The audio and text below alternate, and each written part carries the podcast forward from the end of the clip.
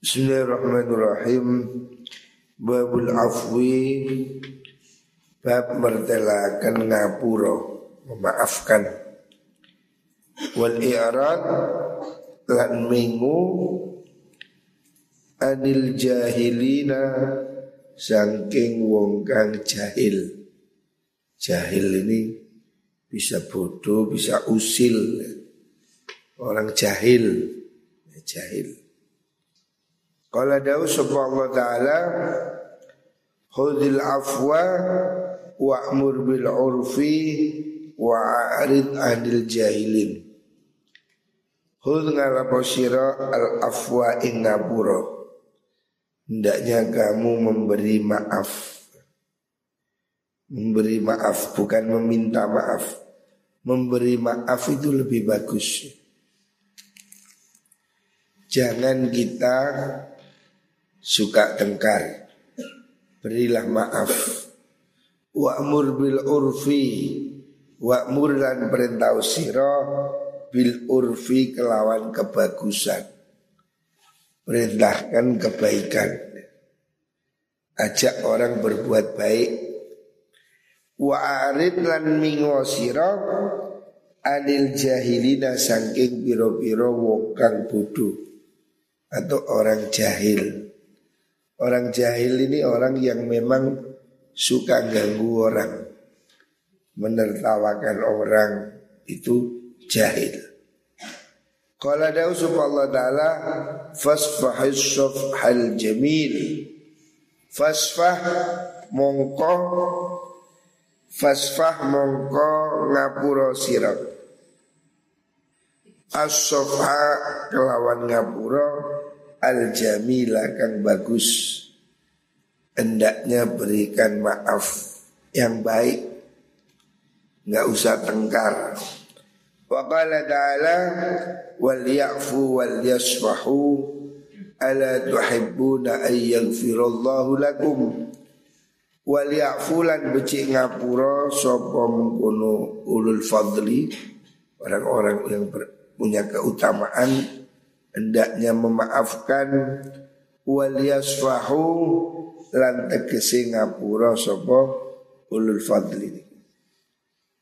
Ala tuhibbuna ana to ora demen sira kabeh ayaghfira ing yen to ngapura sapa Allah Gusti Allah lakum maring sira kabeh.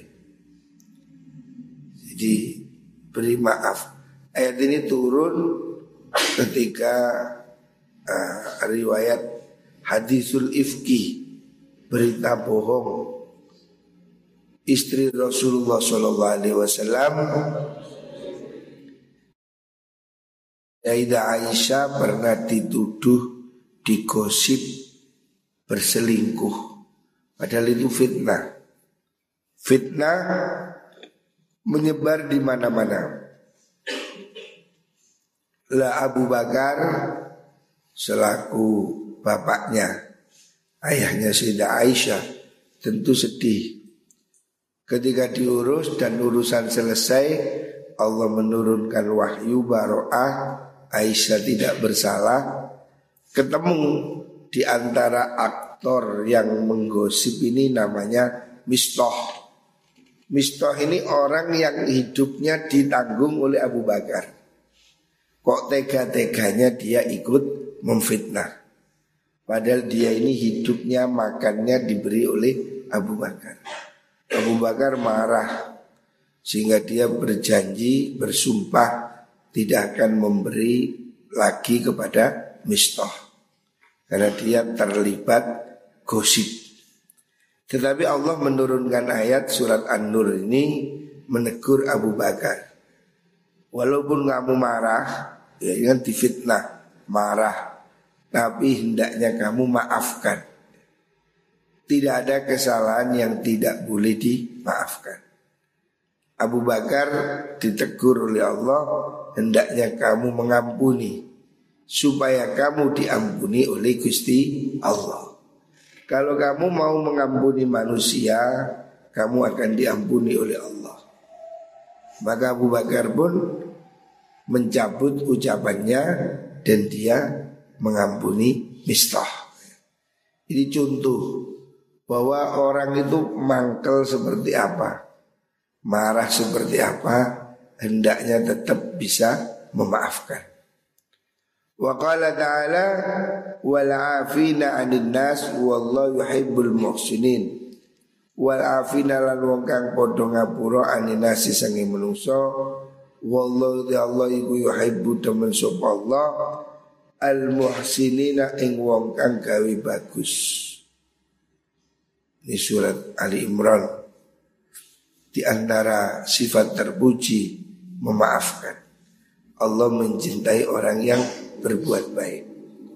Wa qala ta'ala Waliman sobara wa ghafara Inna dhalika lamin azmil umur Waliman lan iku ketui wong Sobara kang sabar sopeman Wa ghafara lan gelem ngapura sopeman Inna dzalika sudah mengkuno sabar Iku lamin azmil umur Saking sinejogati Perkara penting.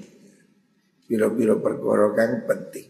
Surat Asyura 43 Wal ayat biro-biro ayat fil bab indal pikila bab Iku ratun akeh Ma'lumatun turus kang den Ayat-ayat tentang ini banyak sekali di antara keistimewaan ajaran Rasulullah Shallallahu Alaihi Wasallam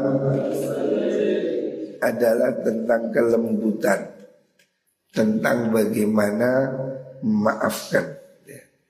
Jadi Islam ini ajaran kasih sayang, ajaran yang membuat orang damai tenang. Itulah sesungguhnya ajaran Islam. Wan Aisyah radhiyallahu anha anna suni Aisyah iku qalat dawu sapa Aisyah Dawu lin Nabi maring Nabi Muhammad sallallahu alaihi wasallam Dawe hal ada alaika yaumun Hal ada ono to teko alaika ing atase sira? Apa yaumun dino Karena kang ono apa yaum iku asyad dalui abot. Min yaumi Uhudin saking timbang perang Uhud. Sayyidah Aisyah bertanya, Nabi, apakah engkau pernah mengalami hari yang lebih sulit, yang lebih berat daripada perang Uhud? Perang Uhud ini kan perang berat. Perang Uhud ini kejadian perang yang sangat apa itu tragis di mana Nabi kehilangan beberapa sahabat termasuk pamannya yaitu Sayyidina Hamzah. Sayyidina Hamzah ditombak secara licik dari belakang dan tubuhnya dihancurkan, dimutilasi, dicel-cel. Hari itu sangat-sangat menyedihkan. Nabi sangat merasa perang Uhud itu sangat menyedihkan di mana perang yang sangat apa berat Nabi terluka Nabi sampai bagian tubuhnya tersobek terluka oleh Sayyidah Aisyah ditanya apakah ada hari yang lebih berat timbang perang Uhud. Nabi menjawab ada. Perjuangan memang berat. Perjuangan penuh tantangan. Nabi mengalami perang-perang-perang Tetapi ada yang lebih berat. Kalau ada usaha Nabi Takut laki itu teman ketemu ingsun Min kaumika saking kaum siram Maksudnya kaum kures Wa kana lan ono apa yaum iku daba Luwe abote perkara laki tukang ketemu ingsun minhum saking kaum Yaumal akobati ing dalem dinone janji ono tanah akobah. Ada satu perjanjian akobah. Akobah ini nama satu lokasi. In aradu nalikani mento akan ingsun. Mento akan itu menghadap, mengajukan diri. Nafsi ing awak ingsun ala ibni abdi yalil maring ibni Abi Yalil bin Abdi Kulal Falam yujibni mongko ora nyembadani sopo ibnu Abi Yalil ni ing ingsun ilama maring perkara aratu kang ngarepaken sapa ingsun. Nabi menceritakan saat masa sulit. Ketika itu Nabi berdakwah kepada tokoh yang bernama Yalil bin Abdikulal dan dia tidak respon. Fantolak tu mongko budalan ingsun wa ana utai ingsun iku mahmumun kang susah kang prihatin ala nafsi ing atase awak ingsun. Akhirnya saya ini rumongso sedih sejalan merasa susah. Falam astafik mongko ora waras ingsun. Maksudnya saya ini jalan dengan sedih sampai sadar illa wa ana angi utai ingsun iku bikar nisa alibi ing dalem tanah kornu sa'alib itu nama daerah perjalanan di satu hari dari Mekah Farofatu nuli ngangkat ingsun roksi ing sirah ingsun. Faidat nalikani rofatu Ana utai ingsun iku bisa habatin ketemu kelawan mendung. Qad adallani kang temen ngiyup-ngiyupi opo sahabah ni ing ingsun. Habis jalan sedih Ya sudah jalan tiba-tiba ada mendung menaungi Fa tu mongko ningali sapa ingsun Faidan nalikane tu fiha iku ing dalem mengkono sahabah Jibril utawi malaikat Jibril. Di situ ternyata ada malaikat Jibril. Terus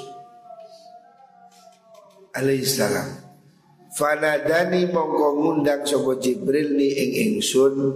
Faqala nuli ngucap sopo Jibril Inna Allah sedani Allah iku kot sami'ah Temen ngurungu sopo Allah kaula kaumika ing mengucapi kaum panjenengan ala kamaring panjenengan.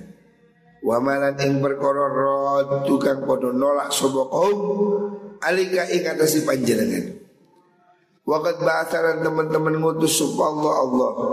Ilaika maring panjenengan malaka malakal jibali ing malaikat kang nguasani gunung. Litak murau supaya perintah panjenengan du ing malakul jibal. Bima kelan perkara syikta kang panjenengan fihim ing dalam menggulu kaum. Nabi ini berjalan dakwah. Ini supaya jadi contoh para kiai, para mubalik Pada zaman Rasulullah SAW Dakwah itu tidak mudah. Kanjeng Nabi dakwah kepada saudara-saudaranya Tidak direken, ditolak. Sampai kanjeng Nabi datang ke Taif Daerah yang cukup jauh dari Mekah. Di sana pun Nabi juga tidak diterima bahkan dihantemi batu. Kita ini sesulit apa pun ya dakwah kita ini tidak sampai dihantemi batu.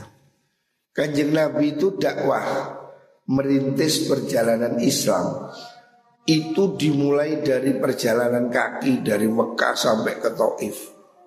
Datangi kelompok-kelompok diajak masuk Islam. Rata-rata tidak mau. Dan yang lebih jahat ketika berada di Taif itu Nabi bukan hanya ditolak, bahkan dihantemi batu. Jadi perjuangan ini perlu pengorbanan. Orang-orang yang memilih jalan perjuangan harus kuat mental. Tirulah Rasulullah Sallallahu Alaihi Wasallam.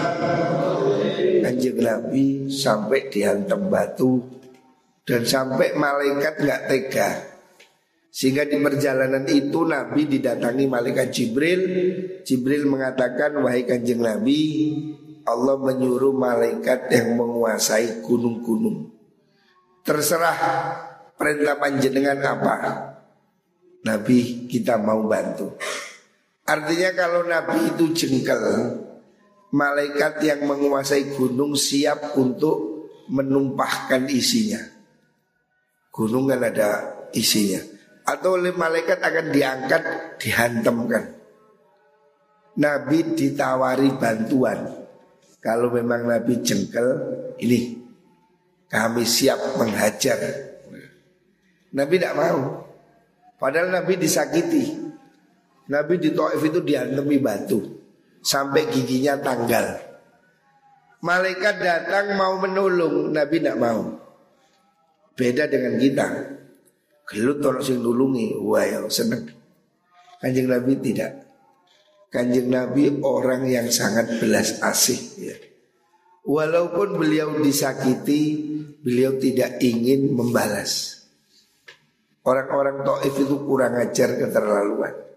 Rasulullah Shallallahu Alaihi Wasallam sampai giginya tanggal diantemi batu. Tetapi kanjeng Nabi tidak mau membalas. Malaikat Jibril datang menawarkan bantuan, Nabi tidak mau menerima. Udah biar aja. Kalau mau Nabi, malaikat yang akan balas. Malaikat siap akan menghantam mereka, tapi Nabi tidak suka. Fasalama diwau. Fanadani monggo nuling undang ni ing ingsun sapa malakul jibali malaikat kang nguasai gunung. Fasalama ulu salam sapa malakul jibal aliyah ing atase ingsun. Sumakala nuli dawuh sapa malakul jibal. Ya Muhammad Nabi Muhammad Inna Allah iku kot sami'a temen ngerungu sapa Gusti Allah. Ngerungu kaula kaumika ing bangujapai kaum sira. Laka maring sira. Wanalan haluta ingsun iku malakul jibali. Malaikat kang nguasani piro-piro gunung. Wakat bahasani dan teman-teman ngutus ni ing ingsun. Ngutus sapa rabbi pangeran ingsun. Ayo kerja ing yento bunyo Ilaika maring manjenengan Litak muroni supaya perintah panjenengan ni ing kula bi amrika kelawan perintah panjenengan. Fama monggo ing apa sikta karep panjenengan. Jadi malaikat ini menawarkan bantuan. Nabi, saya diperintah manut panjenengan. Panjenengan mau apa? Kami siap. Artinya malaikat ini siap untuk bertindak dengan caranya. Nabi apakah mau? Tidak. Nabi tidak mau. Insyikna lamun ngarep siro adbaktu numpel akan ingsun numpel akan itu menjatuhkan ingsun alihim ing ngatasi kaum al ahsyabaini ing gunung luru gunung gede luru ahsyabaini itu dua gunung di sisi Mekah al ahsabaini ing gunung gede luru kang ono kiwa tengene negara Mekah Nabi ditawari Nabi kalau mau gunung ini saya antem mereka. Fakola membedau sopan Nabi Sallallahu Alaihi Wasallam. Bal arju balik ngarapakan sopan ingsun ayu kerja ingin to akan sopan Allah Allah min aslabihim saking piro piro anak turune kaum man ing wong yak budukan nyembah sopaman Allah ing Allah. Wahdau halis wujida Allah. La yusriku tur orangnya kutu akan sopeman Orangnya kutu akan Bihi Allah Syai'an ing suci wici Hadis sahih muttafaq alaih. Nabi tidak ingin membalas Kalau Nabi mau Malaikat ini sudah mau mengambil gunung Mau diantem ke orang Mekah. Sebab orang Mekah ini sudah keterlaluan. Kanjeng Nabi tidak ingin. Kalau Nabi mau Nabi bisa berdoa seperti Nabi Musa umpamanya. Nabi Musa disakiti oleh Fir'aun. Nabi Musa doakan Fir'aun tenggelam.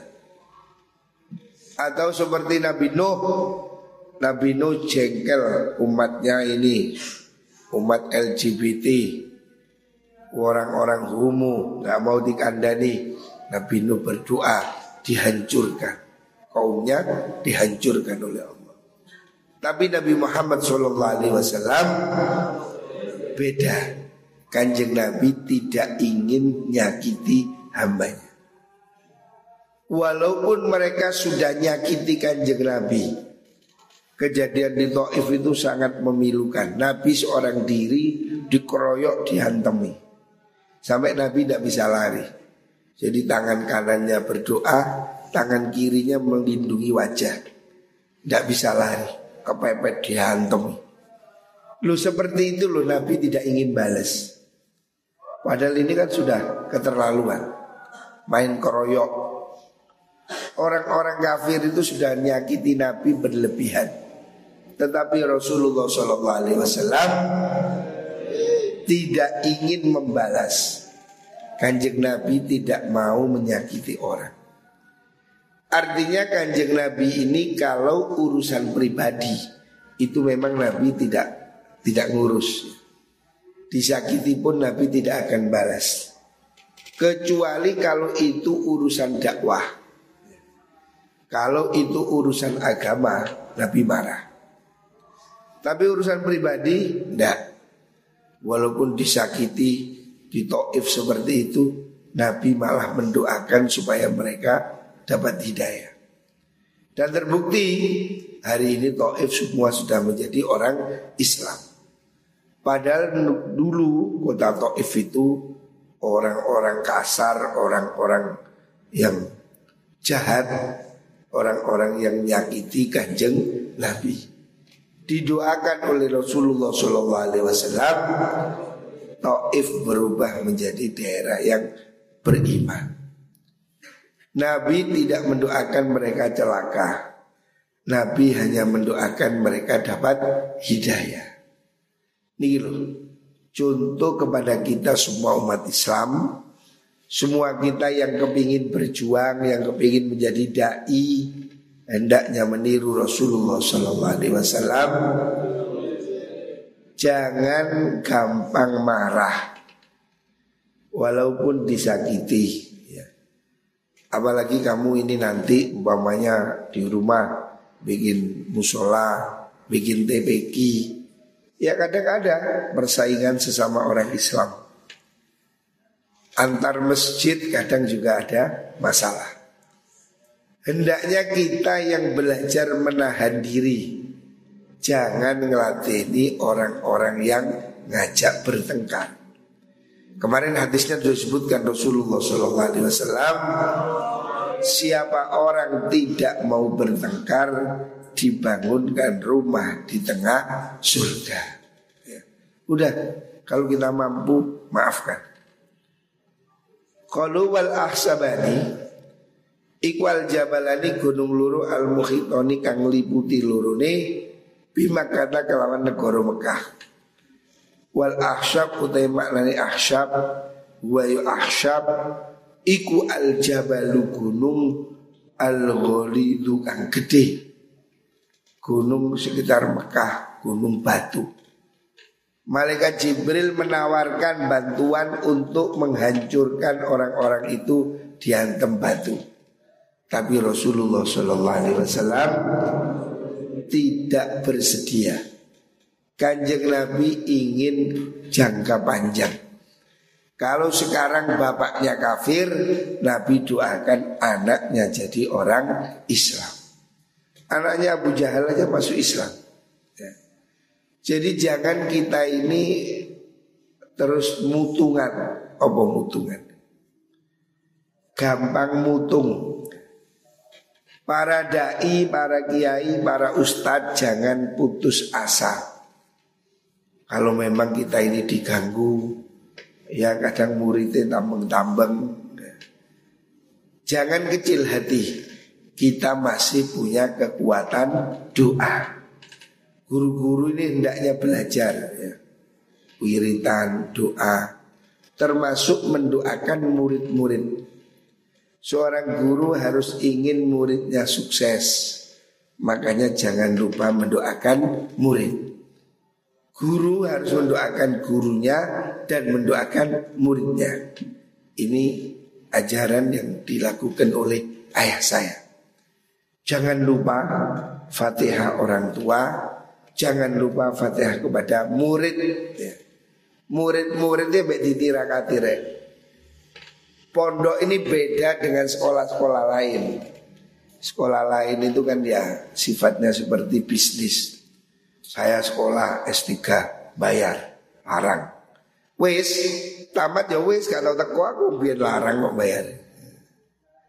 Beda di pondok, pondok ini murah bahkan gratis.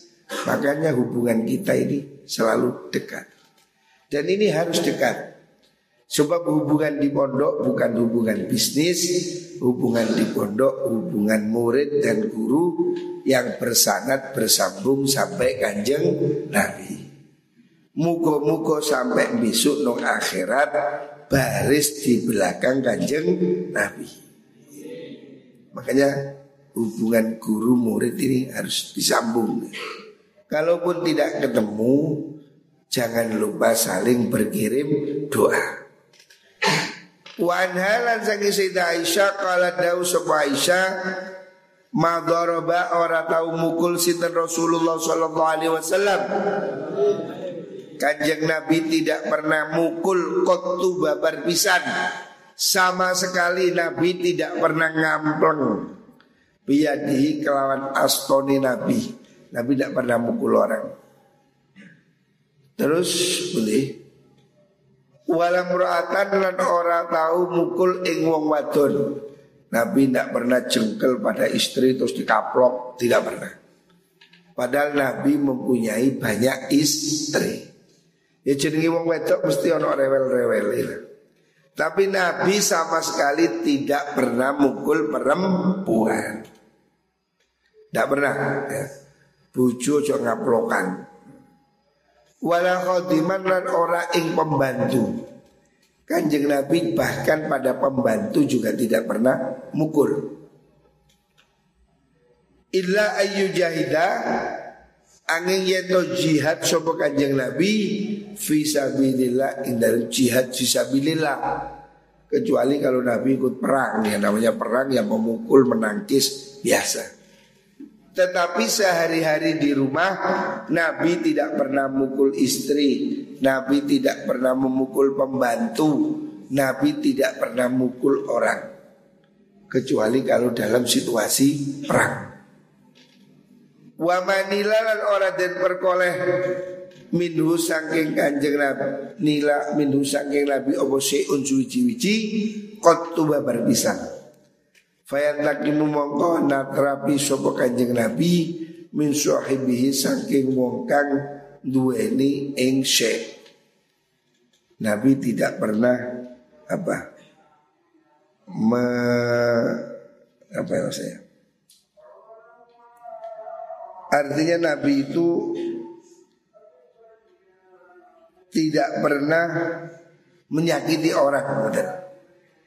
Nabi tidak pernah membalas illa ayun tahaka angin yento den rusak opo syai'un suci wiji min maharimillah saking piro-piro larangan Gusti Allah. Fayantakimu mongko natrapi menghukum sopo kanjeng Nabi lillahi ta'ala karena Allah ta'ala. Rawahu Muslim. Jadi urusan pribadi Nabi tidak pernah membalas ya. Nabi itu orang yang bijak, pemaaf, tidak pernah mendendam pada orang lain. Tetapi kanjeng Nabi juga pernah marah, bukan tidak marah. Kalau urusan agama dilanggar, Nabi juga marah. Contoh, waktu orang Yahudi Bani Qainuqa itu tinggal di Medina. Suatu saat mereka melecehkan seorang wanita muslimah di pasar ditelanjangi. Nabi marah. Nabi mengancam mereka mau dihabiskan atau pergi dari Medina. Artinya Nabi juga marah kalau urusan agama dilecehkan, Nabi marah. Itu yang menyebabkan orang Yahudi pergi dari Madinah. Artinya dulu orang Yahudi itu ada di Madinah tapi dimarahi Nabi, diusir, diancam. Karena apa? Karena mereka mempermalukan umat Islam. Ada wanita ditelanjangi di pasar. Marah kanjeng Nabi tersinggung. Ini kehormatan. Jadi kanjeng Nabi kalau urusan agama marah. Tapi kalau soal pribadi Walaupun diantem batu berdarah giginya copot Nabi tidak marah Ini yang harus disadari ya. Bukan berarti Nabi tidak pernah marah. Iya marah. Kalau agama ini disinggung, Nabi marah. Pangeran Diponegoro itu konon sudah mau berhenti perang.